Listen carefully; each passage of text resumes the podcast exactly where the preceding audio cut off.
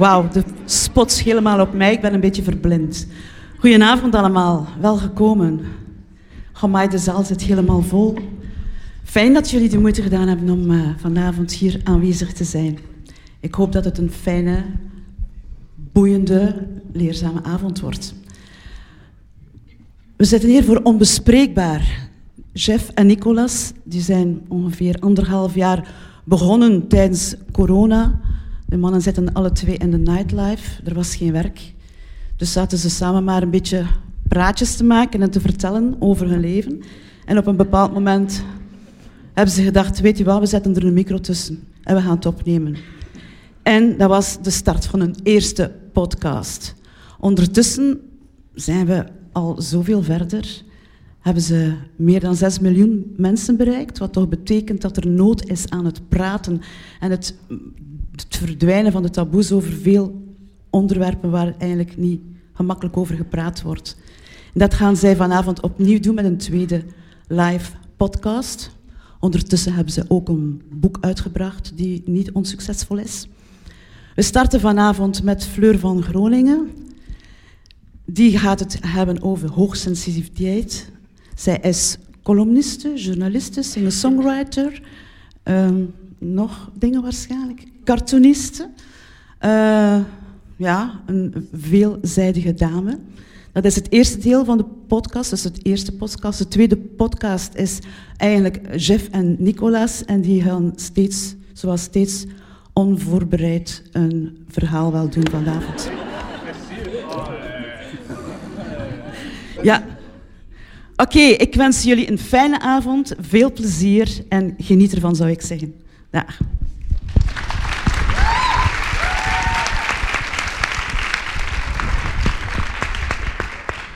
het is uw hè. Dat doen we nooit meer. Toch bedankt. Toch bedankt. Uh. Oké. Okay. Uw micro werkt ook? Zalig. Ja, ik ben ook niet voorbereid. Dus, uh... Ah, fantastisch. Perfect, dan steken wij minder af. Dat vind ik helemaal niet erg. Welkom, Fleur van Groningen. Wij hebben elkaar toevallig gekruist op Boektopia. Wat dat ja, ja. een dikke maand geleden is, of minder, of meer, of ja, ongeveer. Petero Petaro. En uh, we hadden daar een goede klik dat voor ons wel een evidentie leek om je van de eerste keer uit te nodigen op onze live podcast hier in de Vooruit. Waarvoor uh, dank u wel om inderdaad allemaal zo mooi en talrijk aanwezig te zijn. En ik val direct met de deur in huis. Um, ik weet nog dat Nina Mouton zit, die hier ook zit vandaag. Ik kan je niet op het podium vragen. Tenzij dat een konijn uit me om met u nu te toveren. Um, wie is Fleur van Groningen? Um, ik ben onlangs 40 geworden, dus dat is nu een nieuwe identiteit waar ik nog aan moet winnen. dat is het eerste wat in mij opkomt. belangrijker, ik ben mama um, van een jongetje van bijna vier. Um, ik ben hoogsensitief, daar gaan we het vanavond over hebben. Ik schrijf boeken en ik maak schilderijen. En, um, en ik hou lezingen. Dat is zo ongeveer een beetje. En ah, ik ben ook nog getrouwd. dat ook nog. vandaar het kindje. Ik heb huisdieren. Ja, vandaar het kindje en de huisdieren. Ja, ja, nog net het favoriete kleur en dan zijn we rond, denk ik. Ik, ik vind... Uh, wij doen inderdaad onbespreekbaar al een jaar of twee. Ik ben er eigenlijk... Het is langer, hè? Ja, het is eigenlijk al langer. Het voelt zelfs nog veel langer. Sorry, dat is niet slecht bedoeld, maar... Ja, het is twee jaar. Allee, wat. Um, en een van de meest gevraagde topics vanuit onze community, want we proberen vooral community gebaseerd onze podcast te maken, zijn, uh, is eigenlijk het onderwerp hoogsensitiviteit. Ik ga daar doodierlijk in zijn. Voor mij was dat een absolute blindspot. Uh, drie jaar geleden had ik nog nooit dat woord gehoord zelf. Um, ja, sorry, ik kan maar eerlijk zijn. En um, dat, was, dat is een topic die enorm hard leeft met ons. Dus voor ons is dat wel fantastisch om in, in, in deze setting deze, dit onderwerp met u te kunnen tackelen. Waarom denkt jij dat zoveel mensen bezig zijn met het onderwerp hoogsensitiviteit? Dat is een vraag die ik al twee jaar heb. Ja, ik, um, ik heb daar niet zo meteen een kant-en-klaar antwoord op. Ik weet dat ik vijf jaar geleden bracht ik een boek uit over hoogsensitiviteit, Leven zonder filter. En dat was onmiddellijk een enorm succes. En daar zijn ondertussen 60.000 exemplaren van verkocht. Dus dat wil wat zeggen. Vorige week werd ik um, opgebeld door de VRT of ik in het journaal wou komen zitten, omdat dus de Carrefour prikkelarme uurtjes inlast. En toen zei ze 100.000 mensen in Vlaanderen, minstens 100.000 mensen zijn hoogsensitief. Nu, ik, ik ben heel slecht in wiskunde. ik kan echt totaal niet rekenen. Ik weet dat één op vijf mensen hoogsensitief is, maar ik weet niet hoeveel Vlamingen dat er zijn. En ik heb die som dus ook nog helemaal niet gemaakt. Ik dacht alleen, die, die, die 40.000 die hebben dan wel mijn boek niet gekocht. Maar goed. Um, in ieder geval, um, er is een grote groep mensen die hoogsensitief zijn. En we leven in een maatschappij die vooral ingericht is op de extraverte mensen. Um, we moeten maar met z'n allen rondrennen en in de, in de red race en in het uh, hamsterwieltje, zoals ik dat dan noem. En er zijn heel veel mensen die voelen, ik, ik kan dat niet aan, dat is eigenlijk te veel voor mij. Dus ik denk dat daar behoefte is aan erkenning, aan, aan, aan lotgenoten, aan inzicht ook. Want um, probleem met hoogsensitiviteit is ook wel, als je niet weet wat de voordelen daarvan zijn en als je niet je grenzen gaat beschermen, dan wordt het een groot nadeel. En daardoor lopen mensen heel veel tegen de nadelen van hoogsensitiviteit aan, in plaats van dat ze echt kunnen ja, gebruik maken van de voordelen. Om even een stapje terug te nemen, uh, ik veronderstel dat er veel mensen wel weten hier wat hoogsensitiviteit is. Ik veronderstel ook, aangezien dat deze podcast live wordt opgenomen, dat er mensen gaan een keer luisteren wat hoogsensitiviteit is. Wat is het eigenlijk? Hoogsensitiviteit is een uh, persoonlijkheidskenmerk. Dus het is niet een of andere stoornis die je hebt, het is ook niet iets wat je kan krijgen en kan verliezen. Je wordt, je wordt daarmee geboren. Um, dat wil zeggen dat je andere hersenen hebt. Dus um, de, de, uh, het, de zone in de hersenen die filtert, die zintuigen filtert, die werkt minder goed. Dus er komt veel meer binnen. Hoofdzaken en bijzaken komen ongeveer even straf binnen.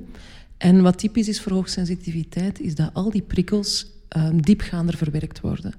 Dus er is ook wetenschappelijk onderzoek naar gedaan en op scans is te zien dat er uh, tijdens het verwerken van prikkels veel meer zones tegelijk oplichten in de hersenen.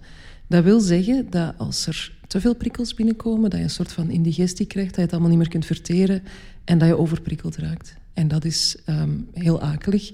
Uh, hoogsensitieve mensen hebben een veel gevoeliger zenuwsysteem, dus dat zenuwsysteem slaat aan tilt. Ik voel dat ook echt fysiek. Dat is, dat is echt niet een pretje. Ja. Mag ik er dan vanuit gaan dat dat meestal de eerste momenten zijn dat je beseft dat je hoogsensitief bent? Ik heb het tot mijn 26e niet geweten en ik heb eigenlijk altijd in overprikkeling geleefd. Niet wetende dat er nog een andere versie van mezelf bestond, zo de, de easygoing versie, zo die, uh, die niet uh, ja, het overweldigd is. Als ik u daarnet hoor zeggen dat er um, ook best wel wat voordelen aan zijn, voordat ik die voordelen mag horen, want ik ben super benieuwd,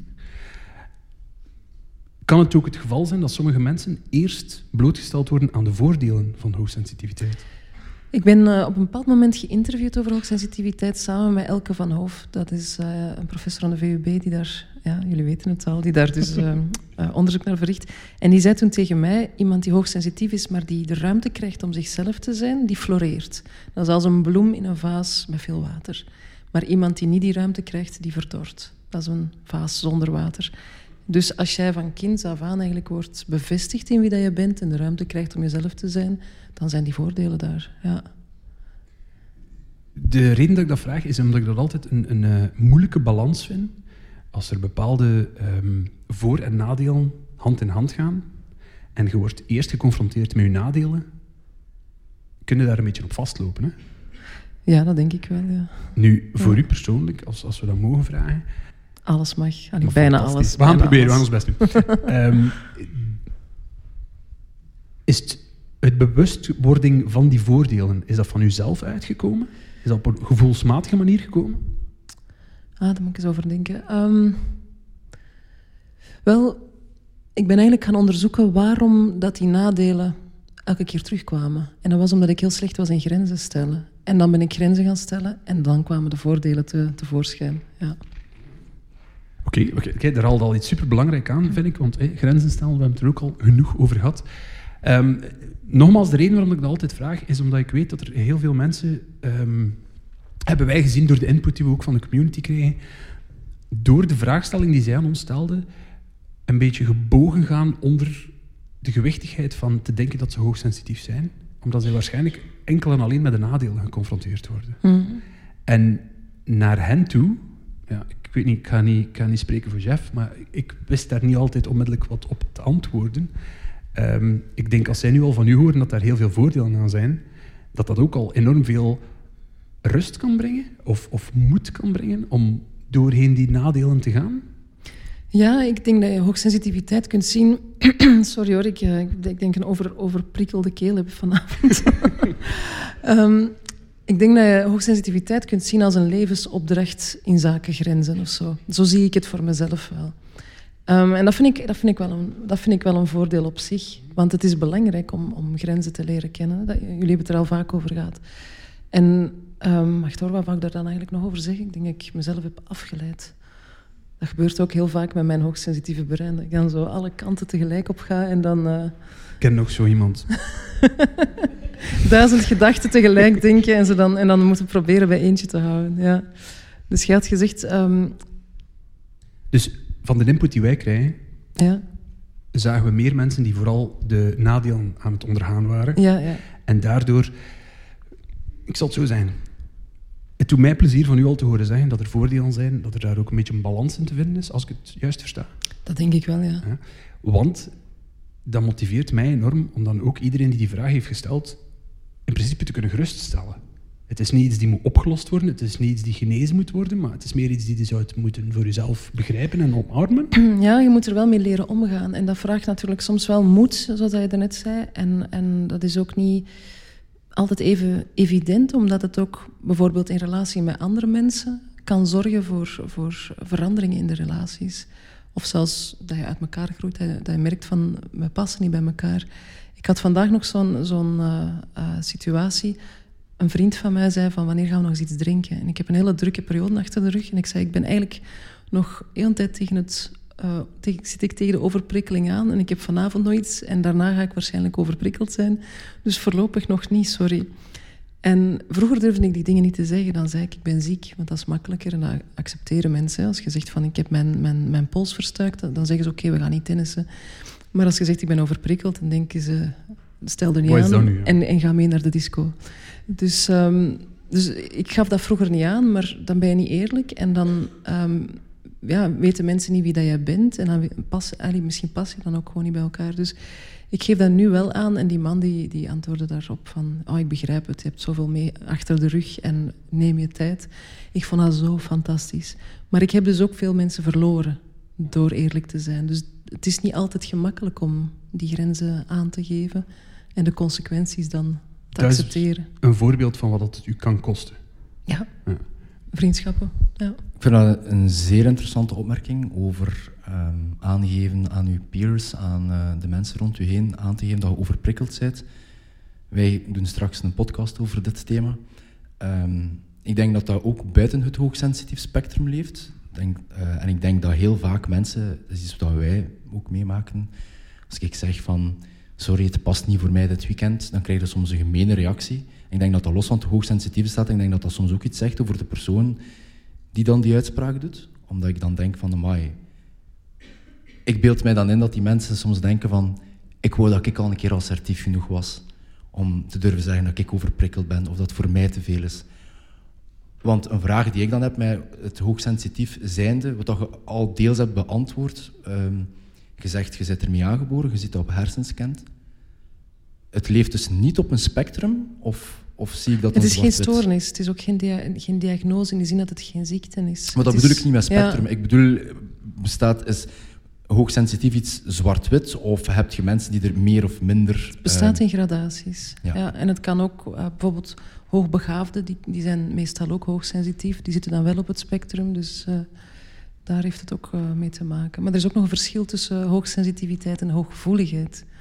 Um, is mij ook geleerd door Elke van Hoof. Um, dus hoogsensitiviteit is uh, dat je hersenen anders werken. Hooggevoeligheid is een emotionele reactie op overprikkeling. En dat kan ook um, een reactie zijn bij mensen die borderline persoonlijkheidsstoornis hebben, of bij autisme, of bij een nakende burn-out, want daar word je ook heel gevoelig voor uh, licht en geluiden en zo.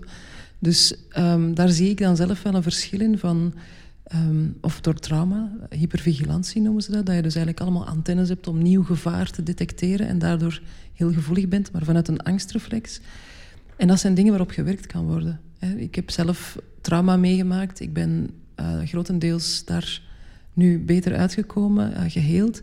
En ik merk dat ik op dat vlak veel minder... Ik ben minder hypervigilant. Ik ben niet meer de hele tijd aan het speuren naar nakend gevaar. Dus dat stukje gevoeligheid En uh, is, is bij mij sterk afgenomen. Dus daar zit ook nog een verschil in. En ik denk dat veel mensen dat over, over dezelfde kam scheren.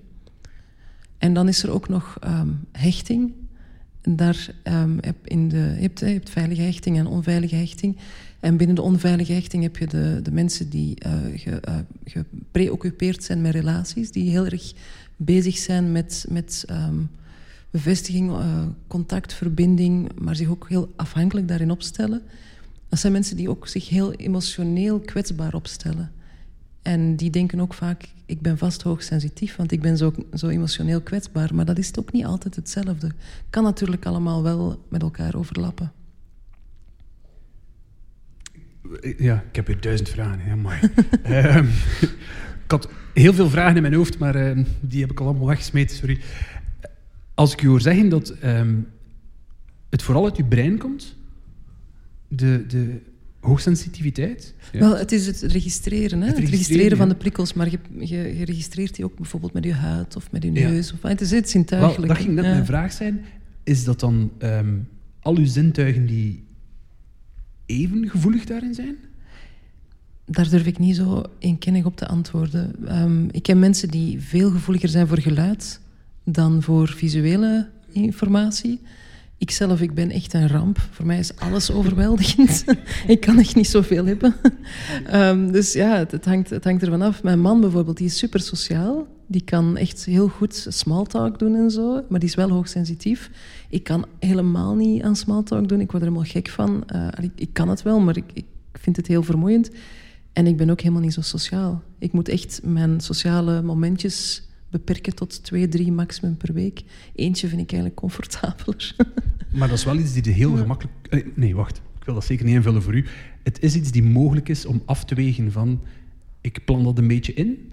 Ja, indien mogelijk, ja. Maar ja, voor mijn werk moet ik soms ook uh, mensen, onder de mensen komen. Hè? Dus ik heb het niet altijd te kiezen.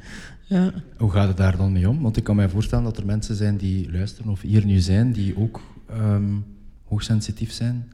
Hoe gaat het daarmee om als je weet dat je bepaalde prikkels onvermijdelijk gaat opdoen? Want dat is zo, hè. ons leven ja, ja, is nu eenmaal zo. Hè. Ja, en het gaat niet alleen over, over herstellen van overprikkeling, maar het gaat inderdaad ook um, om, de, om te voorkomen. Hè. Ja. Dus ik probeer dat te voorkomen, maar dat gaat niet altijd. En dan weet ik dat ik daarna een dag of misschien een aantal dagen moet, moet uh, inplannen dat ik geen mensen zie, dat ik niks moet, dat ik op mijn eigen tempo kan leven. Dat doe ik ook wel, als het kan. Hè. En soms kan het niet. Ik heb nu net een, eh, een, een promotour achter de rug met mijn boek. En dan ben ik dus gewoon heel vaak overprikkeld. En dan ben ik een beetje huilerig. En, uh, en, word ik, ja, en dan heb ik minder geduld. En dat vind ik niet leuk als moeder vooral. Het is misschien een beetje een, een, uh, een onaangename vraag, maar mm, het hier dan zijn bij ons vandaag, was dat dan een opoffering? Nee, want um, ik heb een afspraak morgen en dat was dan, wist ik, die gaat er te veel aan zijn en die is weggevallen. Dus ik ben nu op mijn gemak. En, we hebben chance. Ja, en ik zei het daarnet ook al tegen Nicolas, toen, toen, we, toen we nog in de micro aan het praten waren. Um, wat ik zelf heel moeilijk vind aan sociale contacten, is ik vang verbale uh, signalen op, maar ook de non-verbale. En als dat niet overeenstemt, dan raak ik heel verward. Dus als mensen bijvoorbeeld, ik zal een heel oppervlakkig uh, voorbeeld geven, als iemand mij een compliment maakt, maar ik voel dat die persoon eigenlijk jaloers is, dan sla ik tilt. En ik vind dat heel moeilijk. En ik zou dan het liefst willen zeggen van, zeg gewoon dat je jaloers bent, dat is oké. Okay, maar dat kan niet altijd. hè? Maar er zijn heel veel van die, van die, van die uh, uh, ja, for, formules waar dat je moet ja. blijven. Hè? En, en, uh, dus dat vind ik super lastig. En jij bent iemand, vind ik, die echt en what you see is what you get. Je bent heel eerlijk. Wat dat je zegt, dat voel ik ook bij jou. En dat overprikkelt mij dan gewoon niet. Dus dat is, dat is een enorm verschil. Ja. My one compliment. um, Wauw, ik ben even mijn kluts kwijt. Uh, ja, Jeff, doe maar. Ja. Dat is een welgemeend compliment.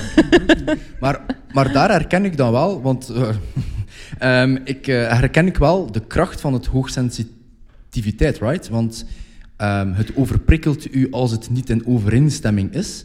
Maar de intenties van mensen beter kunnen herkennen, dat vind ik wel een superpower. Dat is ik ken, ik ken veel mensen die daar ja. veel geld voor zouden kunnen hebben. Van, ja, bedoelen die mensen dan nu goed met mij? Ik ken mensen in mijn, mijn netwerk met autisme bijvoorbeeld, mm -hmm. voor wie dat, dat echt een raadsel is. Ja. Um, dus, uh, dus daar zie ik de kracht in. Ik hoor u daarnet iets zeggen over... Um, mensen die gevoeliger zijn aan geluid. Mijn eigen vriendin weet mij vaak te zeggen dat ik soms zeer gevoelig kan reageren op geluid. Uh, is dat maar nog maar recent gezet? Ze zit hier daar. Ah ja, daar. Ja. Dus ik zie haar kijken van, yes, you are. en um, ze heeft gelijk. Ik heb daar enorm veel over nagedacht ook. En ik heb dat tegen u gezegd nog van de week, toen ik u tegenkwam in de gym in uw bloot. Uh, True story. hey. en, um, en ik zei tegen u van... Omdat nog voordat ik mijn research had gedaan, vroeg ik aan hem van... Denkt jij dat ik misschien hoogsensitief aan geluid zou kunnen zijn? Uh, we zijn daar niet aan uitgekomen, tuurlijk niet. Maar je zei tegen mij van, whatever it is... Je hebt er al sinds wel je kracht van gemaakt. Ik vond dat een schoon compliment waar ik nooit kon opkomen zelf. Ja. Omdat er is eigenlijk een grote ironie. Ik ben 15, 16 jaar een DJ, ik zit in het nachtleven, ik heb veel geluid rond mij. En jij zei van, ja, moesten die een character trait niet hebben, dan zouden de podcast nooit zo neurotisch, tot in de detail, tot elke milliseconde monteren, dat dat... Uh, als je ooit onze podcast geluisterd hebt, uh, moet daar maar een keer op letten, zeker bij het derde seizoen. Bepaalde dingen zijn daar echt uitgekut, in de zin van zo kleine geluidjes, zo, zo dit en al. Dus ja, ik ben mijn eigen nu iets aan het aandoen in postproductie. Goeie zet, ja, flink. Zeer getalenteerd, maar niet de slimste. Can't have it all.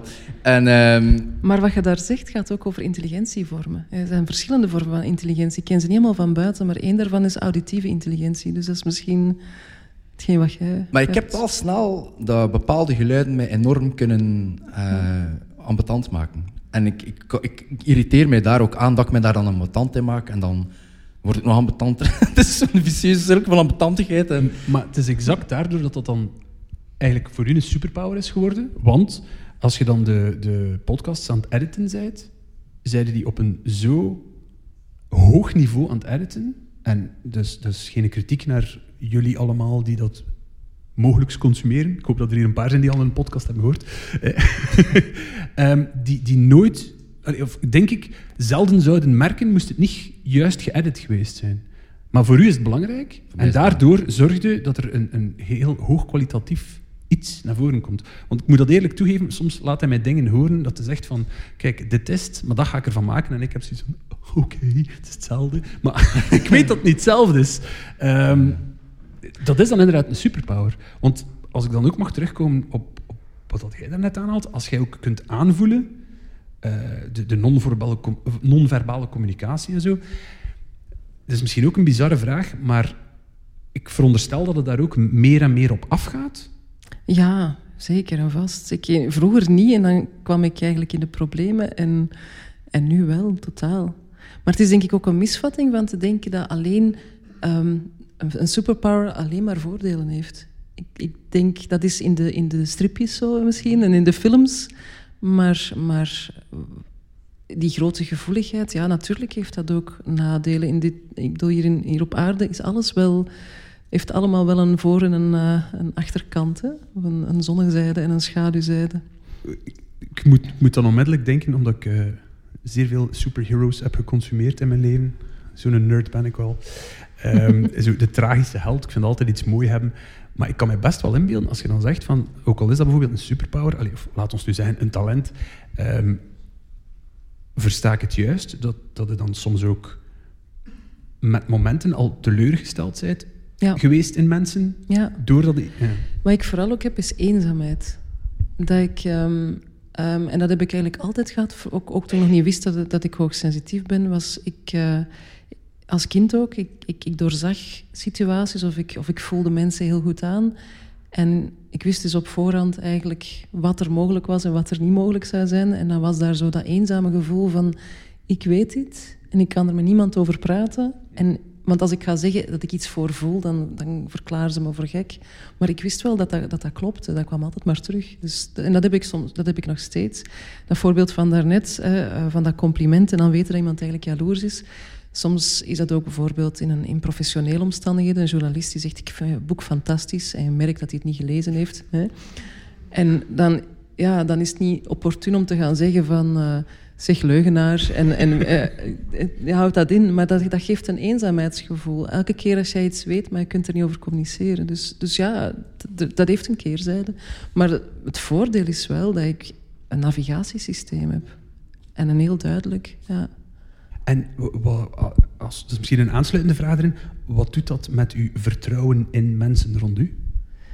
Ik ben een, heel, ik ben een hele tijd wantrouwig geweest. Mm, dat heeft ook nog te maken met het feit dat um, hoogsensitieve mensen die zijn zeer empathisch. Hè, dat is dat, dat aanvoelen. En daarom ook uh, cijferen ze zichzelf ook makkelijker weg. Dat is nog niet goed zijn in grenzen. En dat trekt een bepaald soort mensen aan. Um, vaak krijg je dan te maken met grensoverschrijdende personen. En dat is een dankbare spiegel achteraf bekeken, want dat leert jou om te voelen waar dat jouw grenzen liggen en om beter voor jezelf op te komen. Maar ik heb dat ook meegemaakt. Ik heb een, uh, een hele toxische relatie gehad en ik ben daar een tijd lang super wantrouwig door geworden. Um, nu begin ik daar wel echt overheen te zijn en, en mij terug helemaal open te stellen. En ja, zoals ik daar juist tegen jou zei, jij bent iemand die, die en, en met Jeff heb ik dat ook gevoeld. Jullie, jullie spreken jullie, jullie, wie jullie zijn, jullie spreken jullie waarheid. Dat is voor mij super fijn en daar geniet ik dan ook heel erg van. Je hebt gezegd, ik heb superhelden geconsumeerd, terwijl ik koester echte mensen. Je mocht dan stoppen, hè, Fleur. uh, ja, nee, amai. Ik weet wie dat er straks gaat wenen in de backstage. Nu weer? Oh, dat heb ik al genoeg gedaan, jongen. Dus. Mocht hij neus in mijn haar snuiten. Schitterend. Schitterend. Schitterend. Ik ben ook van mijn melk nu. dat heb ik niet vaak. Ik heb, um, um, ik heb wel een vraagje die, uh, die... Want ik weet niet hoe... hoe wacht even. Ah ja. Uh, hij is vanaf nu de time manager. Uh, hoe ironisch is Danny dat de persoon die altijd te laat is, de tijdmanager gaat zijn? Juist. Ja.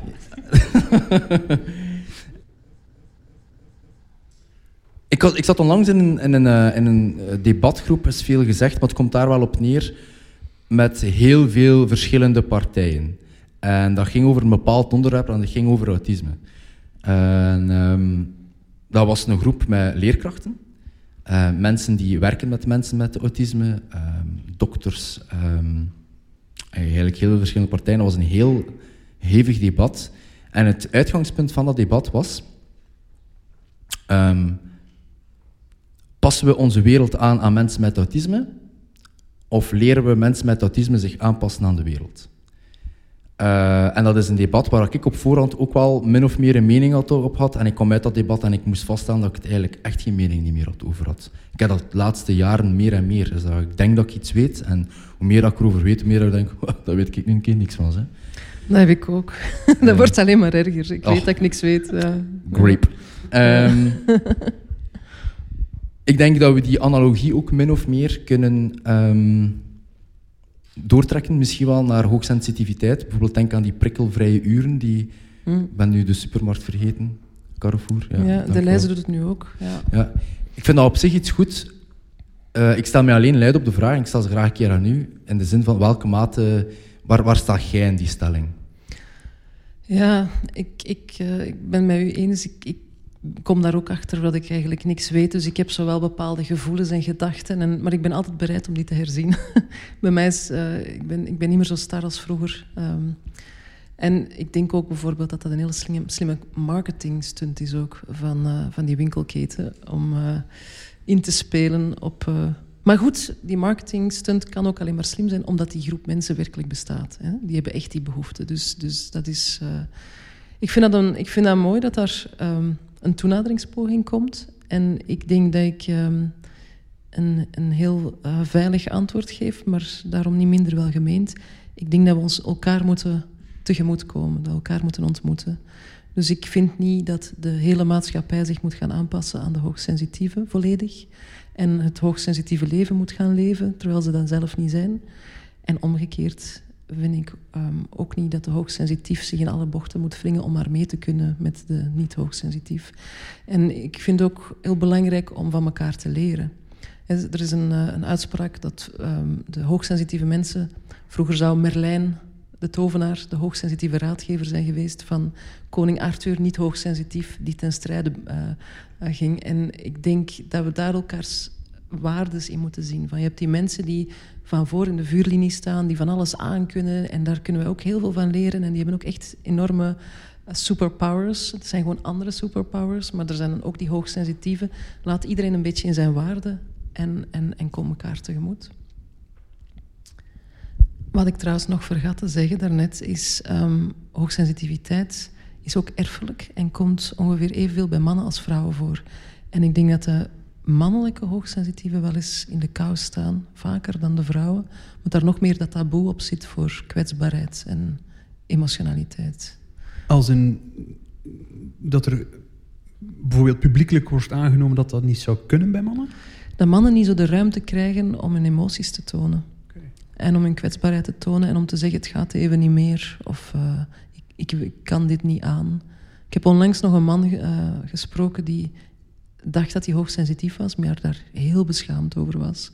Zo'n een man die er zo heel macho uitziet en die dat dan eigenlijk ziet als een, een tegenstelling, terwijl dat, dat perfect kan samengaan. Ja. ja, dat kan toch waarschijnlijk wel hand in hand. Ja. Ik zit hier naast zo'n breedgeschouderde... Oh, Ga denken dat ik ze ervoor betaalde, gasten, maar het is echt niet waar. ik ga ze chef ook wat complimenten binnen maken, want het is niet helemaal eerlijk.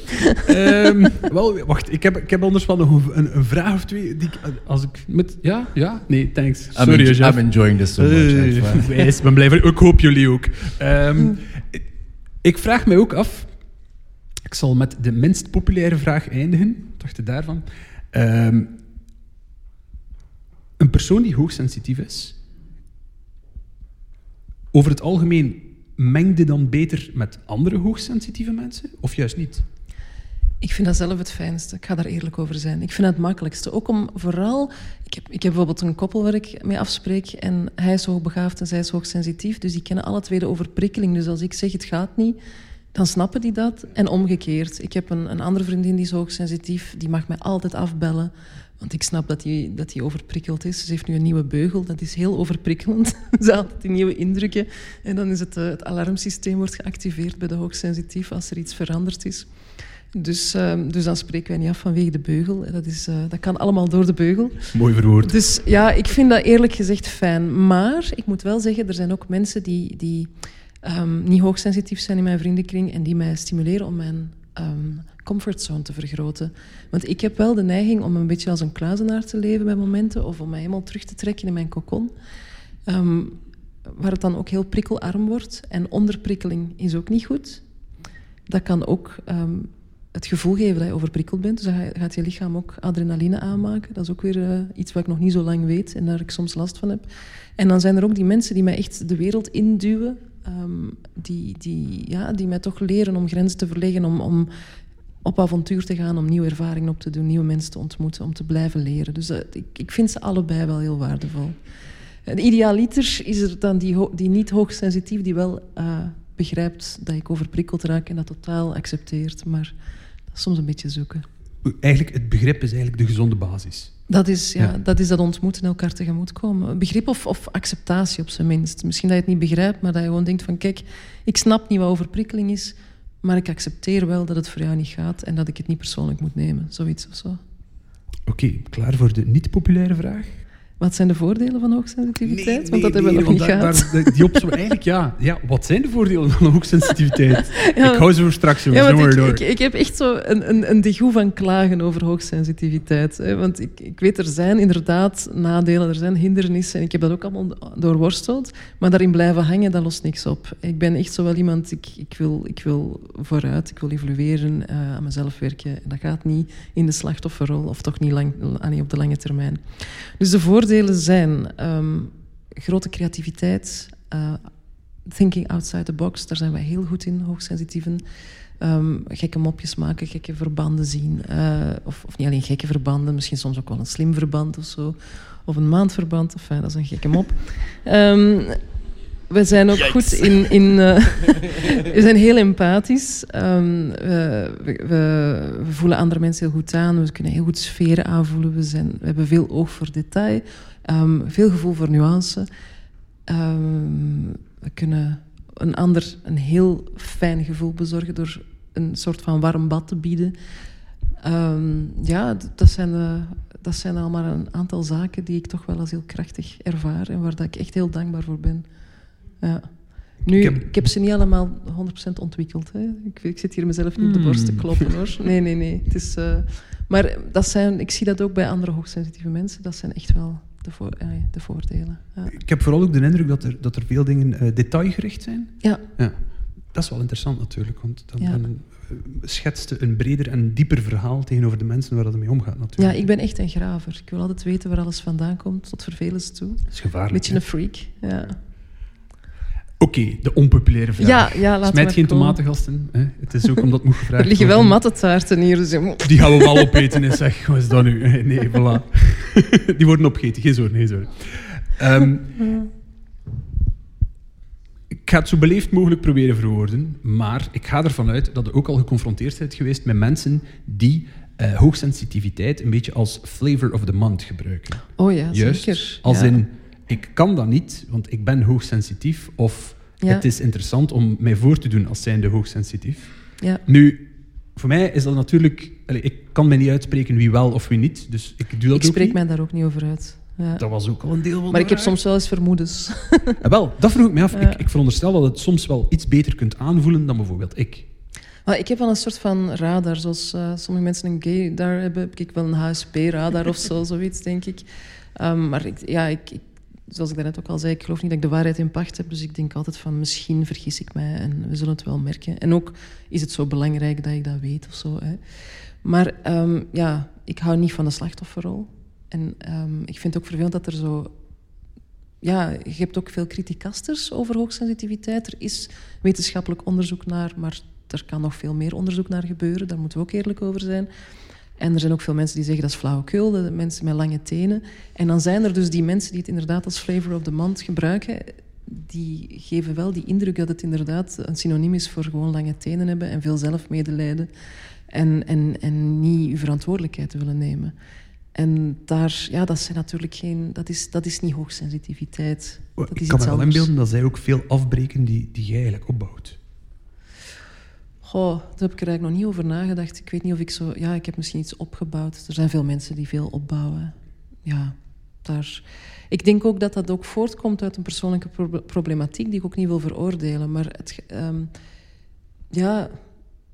Het heeft vaak te maken met niet naar de echte oplossing van je behoeftes gaan. Dus um, slachtofferschap is vaak proberen om iemand anders jouw problemen te laten dragen. Bijvoorbeeld ook met die mensen die, die kritiek hebben op mijn overprikkeling en daar niet mee om kunnen. Dat zijn vaak mensen die gewoon zo teleurgesteld zijn dat de verwachtingen die ze van mij hadden, ergens naartoe gaan of vrienden worden of weet ik veel, niet kunnen doorgaan en, en die teleurstelling niet aankunnen en die dan terugschuiven naar mij. Dus ik merk dat er heel veel mensen zijn die nog niet voelen wat er onder een klaagpartij zit, welke behoefte daar echt zit en echt gaan voelen van wat heb ik nodig? Wat heeft mijn innerlijk kind op dit moment nodig? Dat is een hele helende vraag die veel mensen zichzelf te weinig stellen. Dus als er zo iemand naar mij toe komt, um, dan voel ik soms een ergernis van jij komt doen alsof je hoogsensitief bent, misschien ben je het ook, maar je bent vooral op dit moment eigenlijk aan het klagen. Maar dan denk ik, wat ligt er onder dat klagen? Daar zit een, een, een, hele echte behoefte aan iets die niet vervuld wordt. En dat kan vanuit de kindertijd komen en dat kan heel groot zijn en heel, um, een, ja, een hele grote honger zijn, een hele grote noodzaak achter zitten. En daar voel ik dan wel empathie mee. Dus dan stel ik graag de vraag, wat heb jij echt nodig? Hoe mooi is dat niet, dat je in principe dat niet kwalijk neemt? Ook al allee, doen ze u op een bepaalde manier niet echt eer aan vind ik, door zichzelf iets toe te eigenen die ze misschien... Oh, maar ik heb die eer niet nodig. ja, maar nee. ik vind het dan wel mooi dat je meedenkt voor hen om bijvoorbeeld begrip te tonen en te zeggen van wat zou er echt onderliggend uh, ja, zijn. het zijn wel echte mensen ook allemaal. Hè? Serieus, ja. daar kan ik niet veel aan toevoegen. ja, en, en die hoogsensitiviteit is een, is een label dat mij helpt om mezelf beter te begrijpen. Maar dat is ook niet iets wat mij alleen maar definieert. En dat geldt ook voor andere mensen. We zijn zoveel, er zit zoveel in ons. Er zit ook vaak trauma. Um, dat was bij mij ook zo. Is bij mij ook nog zo'n stukje. Er is, er is heel veel dat ons uh, ja, stimuleert om, tot bepaald gedrag. Dus niet alleen die hoogsensitiviteit. Ja. Ik weet niet hoe dat nu zit, maar ik heb al vrij veel bijgeleerd in elk geval. Ja, absoluut. Je zegt, je spreekt over uh, slachtofferschap. Um, ik heb daar altijd wel, ik, ben, ik denk daar veel over na de laatste weken, right? Ik heb het er langs nog over gehad. Uh, misschien zeg ik daar nog iets over, maar ik heb zeker één vraag dat ik u zelf ook nog wil stellen. Als ik goed heb geluisterd, heb je 14 jaar geleden ontdekt dat je uh, want je zegt, ik ben net 40 geworden en op je 26 heb je ontdekt dat je hoogsensitief bent. Ik geloof dus... dat dat 14 jaar geleden... Ik kan niet rekenen. Ik kan rekenen, eh, don't worry. Ik, heb, ja. ik heb daar juist mijn onderuit, met een grote rekenmachine uitgehaald. Um, ja. Ik veronderstel dat er heel veel mensen zijn die ofwel hier aanwezig zijn of zullen luisteren, die de fleur van 26 zijn. Welk advies, of welk advies vind ik een sterk woord, welke woorden zouden geven aan de fleur van 26? Hele goede vraag. Um, inzetten op grenzen. Echt gaan kijken, wat, um, wat is te veel voor mij? Waar floreer ik bij en waar verdor ik bij? Welke, dus ruimte geven aan jezelf, aan wie dat je echt bent, jezelf gaan leren kennen. De relatie met jezelf aangaan. Want ik heb mezelf super lang tegengewerkt. Ik heb geprobeerd om mezelf in een mal te duwen en, en om, om te voldoen aan allerlei verwachtingen van buitenaf dat loslaten en gaan kijken wie ben ik echt en dat als vertrekpunt nemen. Dat is heel belangrijk. Dan verandert je leven ook heel sterk. Als je heel tijd probeert aan te passen, dan komen er situaties op je pad die niet bij jou horen. En als je jezelf bent, dan ga je je eigen leven leiden. Dus dat, vind ik, dat vond ik voor mezelf een enorme shift om mee te maken. Um, dus daarin dus grenzen aangeven, ruimte innemen. Um, Jezelf niet veroordelen, heb ik ook geleerd. Als ik mezelf veroordeel, dan ga ik uit verbinding met mezelf. Als ik een ander veroordeel, ga ik uit verbinding met die ander. Dus dat oordelen um, proberen te vervangen door vanuit een nieuwsgierigheid en een, een zekere mildheid naar de dingen te kijken. Ik had um, een moeder die mij vroeger... Um, ik, ik kom uit een familie waarin dat er heel veel veroordeeld werd. Dus ik ben mezelf ook heel veel gaan veroordelen. Ik ben zelf mama geworden en ik ben naar mijn kind heel anders toe. En ik ben daardoor ook een betere mama voor mezelf geworden. Dus dat is ook interessant. Kijk waar dat de trauma's zitten in jouw familie en hoe dat je die kan doorbreken, die patronen, naar jezelf toe. En van daaruit ook naar de volgende generaties. Want uh, mezelf veroordelen zorgt voor superveel prikkels. Ik ben ook een prikkeldieet gaan volgen. Vroeger werd ik geleefd. Um, maar dan heb ik gekeken van, heb ik ook in mijn boek Leven zonder filter geschreven en, en in mijn huidige boek um, Voelen zonder filter heb ik daar ook over geschreven. Dat je de, de prikkels gaat um, onderverdelen in, in um, porties die dat je aan kunt. Ik noem dat mijn truc met de emmertjes. Ik heb een emmertje voor sociale contacten, ik heb een emmertje voor angsten, ik heb een emmertje voor uh, geuren, een emmertje voor problemen van andere mensen, etc. En ik moet ervoor zorgen dat die emmertjes niet overstromen. Dus als ik voel het begint te veel te worden, dan ga ik ontprikkelmomenten inlassen. Dat is bij mij meditatie, in de natuur gaan, creatief zijn. Voor sommige mensen is dat sporten, maar ja, ik ben niet zo sportief. Ik heb wel een sportfunctie in mijn auto, vind ik heel cool, maar verder, uh, verder gaat het eigenlijk niet. um, Ja, en ik zet die ook niet op, want dat rijkt te hard heb ik boetes. Dus ja, dus, dat is echt iets dat je naar kunt kijken. Zo. Die, die knop zit daar. Zo'n zo boete, dat zal zeker prikkelen. Ja, voilà. Ja. Dus ook zeker um, ontprikkelmomenten inlassen en jezelf daar niet schuldig over voelen. En ja, ik heb de moed moeten hebben, en dan hoor ik bij heel veel hoogsensitieve mensen dat dat, dat, dat moeilijk is, maar dat zij ook wel die moed opbrengen om inderdaad trouw te zijn aan mezelf en te accepteren wat de consequenties zijn. Want je kunt dan bepaalde vriendschappen bijvoorbeeld inderdaad niet meer hebben, of een, of een relatie gaat niet, of, of een bepaalde job gaat niet. Dat is moeilijk. Het is ook interessant om, om te kijken, kan ik compromissen sluiten waar dat ik niet aan ten onder ga? Want zo blijft de mens ook bijleren en zijn, zijn comfortzone vergroten. Maar, maar het mag niet te ver gaan. Het mag nooit ten koste van jezelf gaan, vind ik. Ja. Dus het is, ja, ik heb daarnet gezegd, het is een, het is een, een, een levensopdracht trouw zijn aan jezelf. En dat is eigenlijk iets heel universeels. Dat gaat ook. Dat is ook de opdracht van de niet-hoogsensitief, denk ik. Ik ging juist zeggen, het zijn eigenlijk echt levenstips voor iedereen. Mm. Hey. Ik had... Uh, ik vind het heel schoon hoe dat zegt. Ik ga daar een paar weken zelf over nadenken. Ik had onlangs een gesprek met iemand die zichzelf vervloekte en die zei... Het leven is zeer hard voor de mensen die te diep nadenken en te diep voelen. En uh, ik herken mijn eigen daar ook wel in. Ik ben ook um, ben misschien wel wat veranderd in mijn leven of zoiets. Ik, kan, maak verschil tussen interne en externe prikkels. Maar het zou toch maar spijtig zijn, denk ik, dat we als mens op een knop zouden kunnen duwen en zeggen dat we stoppen met diep te voelen, dat we stoppen met diep na te denken over dingen. Omdat ook al voelt je dan dat volledige spectrum, al die emoties, al die pijn, die voelsprieten die openstaan, dat is niet altijd per se positief. Maar denk, zoals ik u hier zie zitten vandaag, je vindt daar je krachten.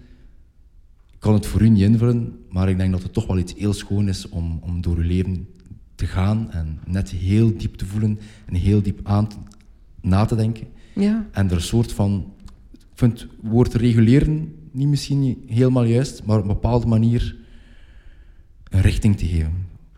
Zeker in een wereld die soms weinig nadenkt en weinig voelt. Right? Mm. Dus merci daarvoor, echt waar. Dank je wel. Mm. Daar kan ik niets aan toevoegen hoor. Uh, we zitten ook perfect on schedule. Goed timed, ge, echt. Om je nog een compliment te geven, dat is wel echt heel mooi gezegd. Dank u wel. Terecht. Um, ik ben zelf zo in mijn feels even, dus ik kan even niet meer nadenken, ik zei het u eerlijk. Maar is er iemand die graag nog een vraag stelt aan Fleur? Was dat niet zo? Ah ja, wacht, we hebben daar zo'n micro uitgezet, klopt dat? Wacht. Gasten van de productie. micro? Ja, nee, wacht. Ja, Wacht, daar, wacht, yes. wacht, wacht. Het komt eraan, Eva, het komt eraan. Als ik altijd mij zo zie kijken, dan is het omdat er veel tegenlicht is.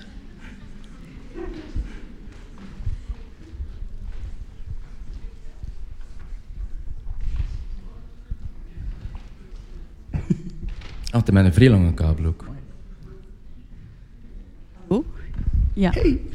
Hey. Eh, ja, eerst en vooral eh, dank u, want ik heb veel bijgeleerd. Ehm, maar eh, dat verschil tussen onderprikkeling en overprikkeling vind ik zelf een heel moeilijke. Eh, want ik leid ook een vrij prikkelarm bestaan eh, als tekenaar. En ik dacht dat mij dat 100% goed ging doen, maar ik verveel mij ook echt heel veel. En die lijn tussen onder- en overprikkeling bewandelen, vind ik een heel lastige. Zijn daar tips voor om te herkennen dat je onderprikkeld bent? Want dat vind ik een moeilijkere dan overprikkeling. Dat is een, amai, dat is een supergoeie vraag. Ik, eh, ik vind dat zelf ook een moeilijke, want ja, ik ben ook een beetje tekenaar, zoals dat je weet. Wij kennen elkaar ook al. Ehm, en, eh, ja, en ik verveel mij ook heel gemakkelijk. Ehm, ik vind routine bijvoorbeeld heel fijn om tot rust te komen, maar op een bepaald moment komen de muren dan op je af en dan is het, eh, dan is het allemaal veel te veel. Ehm, ik eh, herken onderprikkeling aan behoefte aan avontuur. Ik krijg dan ehm, fantasieën over mezelf. nu ga ik echt iets heel gênants zeggen. Ehm, waarbij dat ik ehm, fantastische make-up opdoe en geweldige kleren aandoe en ehm, naar buiten ga en mensen ontmoet en hele zinnige dingen zeg en zo. En daar word ik dan heel blij van, van dat gevoel. Eh, en dan word ik heel gefrustreerd omdat ik ondertussen sta te koken of te dweilen of met mijn kind de zoveelste toren aan het bouwen ben. Eh, en dan weet ik, uh, ik ben onderprikkeld aan het raken. Ik begin te verlangen naar, naar, naar prikkels, naar dingen meemaken. En dat gaat natuurlijk niet over, over met perfect uh, gestifte lippen uh, naar buiten gaan. Maar ja, ik, dat is dan nog een, een, een ik weet niet, een, een, een erfenis uit mijn puberteit of zo. Dat dat zich op die manier kenbaar maakt. Maar ik heb ook echt geen goede puberteit gehad, dus ik heb dat gemist. Dus ik wil, ik wil dat eigenlijk altijd nog, soms nog even inhalen. Dus, um, dus vandaar dat ik denk ik die fantasie krijg. En omgekeerd, uh, als ik dan op een bepaald moment veel onder mensen ben moeten komen, elke keer met uh, mooie kleren aan en rode lippenstift en zo, dan ben ik echt zo te snakken naar torens bouwen in mijn joggingbroek en niemand moeten zien en mijn haar niet moeten wassen en zo. En dan weet ik ook wel van, um, oké, okay, ik, ik, ben overprikkeld. Dus ik denk dat dat voor iedereen apart zo'n beetje een, een, uh, een zoektocht is van welke signalen zijn daar. Maar ja, zo die frustratie van ik heb het gevoel dat ik geen echte vrouw ben, dat ik geen spannend leven heb, dat ik niks meemaak, dat is voor mij wel onderprikkeling. En dat geeft ook overprikkeling en spanning. Hè? Dat zorgt voor adrenaline, ik zei het daarnet al. Dus dat is niet dat je dan rustig voelt of zo. Er komt een soort van gejaagdheid, een, ja, een, een, alsof het leven mij iets uh, moet geven, alsof ik tekort kom. Ja. Kun je daar iets mee? Ja, maar en ook acuter, zo gezegd. Um, als ik zo vier uur getekend heb en ik ga naar huis, dan kan dat soms wel zijn dat ik echt uitbarst en zo. Maar ik denk dat dat dan door die onderprikkeling komt. Maar is er daar iets aan te doen? Ik denk dat dat, dat uitzicht als overprikkeling. Dus bij mij is dat dan dat ik dat moet gaan toch ontprikkelen op zo'n moment. En dan daarna, als die overprikkeling weg is, wel iets gaan doen in de buitenwereld. Met iemand afspreken of naar de cinema of, of naar een concert of zo. Maar dan ook wel echte voeding voor de ziel en geen fastfood. Want ik, uh, ik vind bijvoorbeeld zo op Instagram gaan scrollen of, of een Netflix-serie kijken, dat vind ik fastfood. En dat is af en toe wel eens tof, maar dat voedt mij niet, dat, dat prikkelt mij niet genoeg. Dat, is, allee, dat, dat prikkelt op een negatieve manier. Dat voedt niet. Mm. Dus uh, bij mij, als ik zo heel lang heb zitten tekenen of schrijven in mijn werkkamer, dan um, heb ik voeding van buitenaf nodig. En dan ben ik eigenlijk boos dat het daar niet is. Maar dan heb ik wel ook ja, die innerlijke prikkels gehad van, van, uh, van zelf na te denken en ook een deadline moeten halen vaak en zo. En dat is allemaal spanning en dat geeft dan toch wel overprikkeling ook weer. Dus ik denk dat dat misschien een combinatie kan zijn van de beide. Mm -hmm. Maar voor mij is het zo dat, dat overprikkeling of onderprikkeling heel veel emoties losmaakt. En ik, ben niet graag, ik ga niet graag vanuit een emotie naar iemand toe, omdat ik dan die emotie op die persoon of op die situatie ga afreageren. Dus ik neem dan zelf tijd om tot mezelf te komen, emoties te doorvoelen en dan met een, een propere lei uh, een avontuur gaan uh, beleven, zoiets. Hm. Oké. Sorry voor de indianenlook, maar dat is met die felle lichten.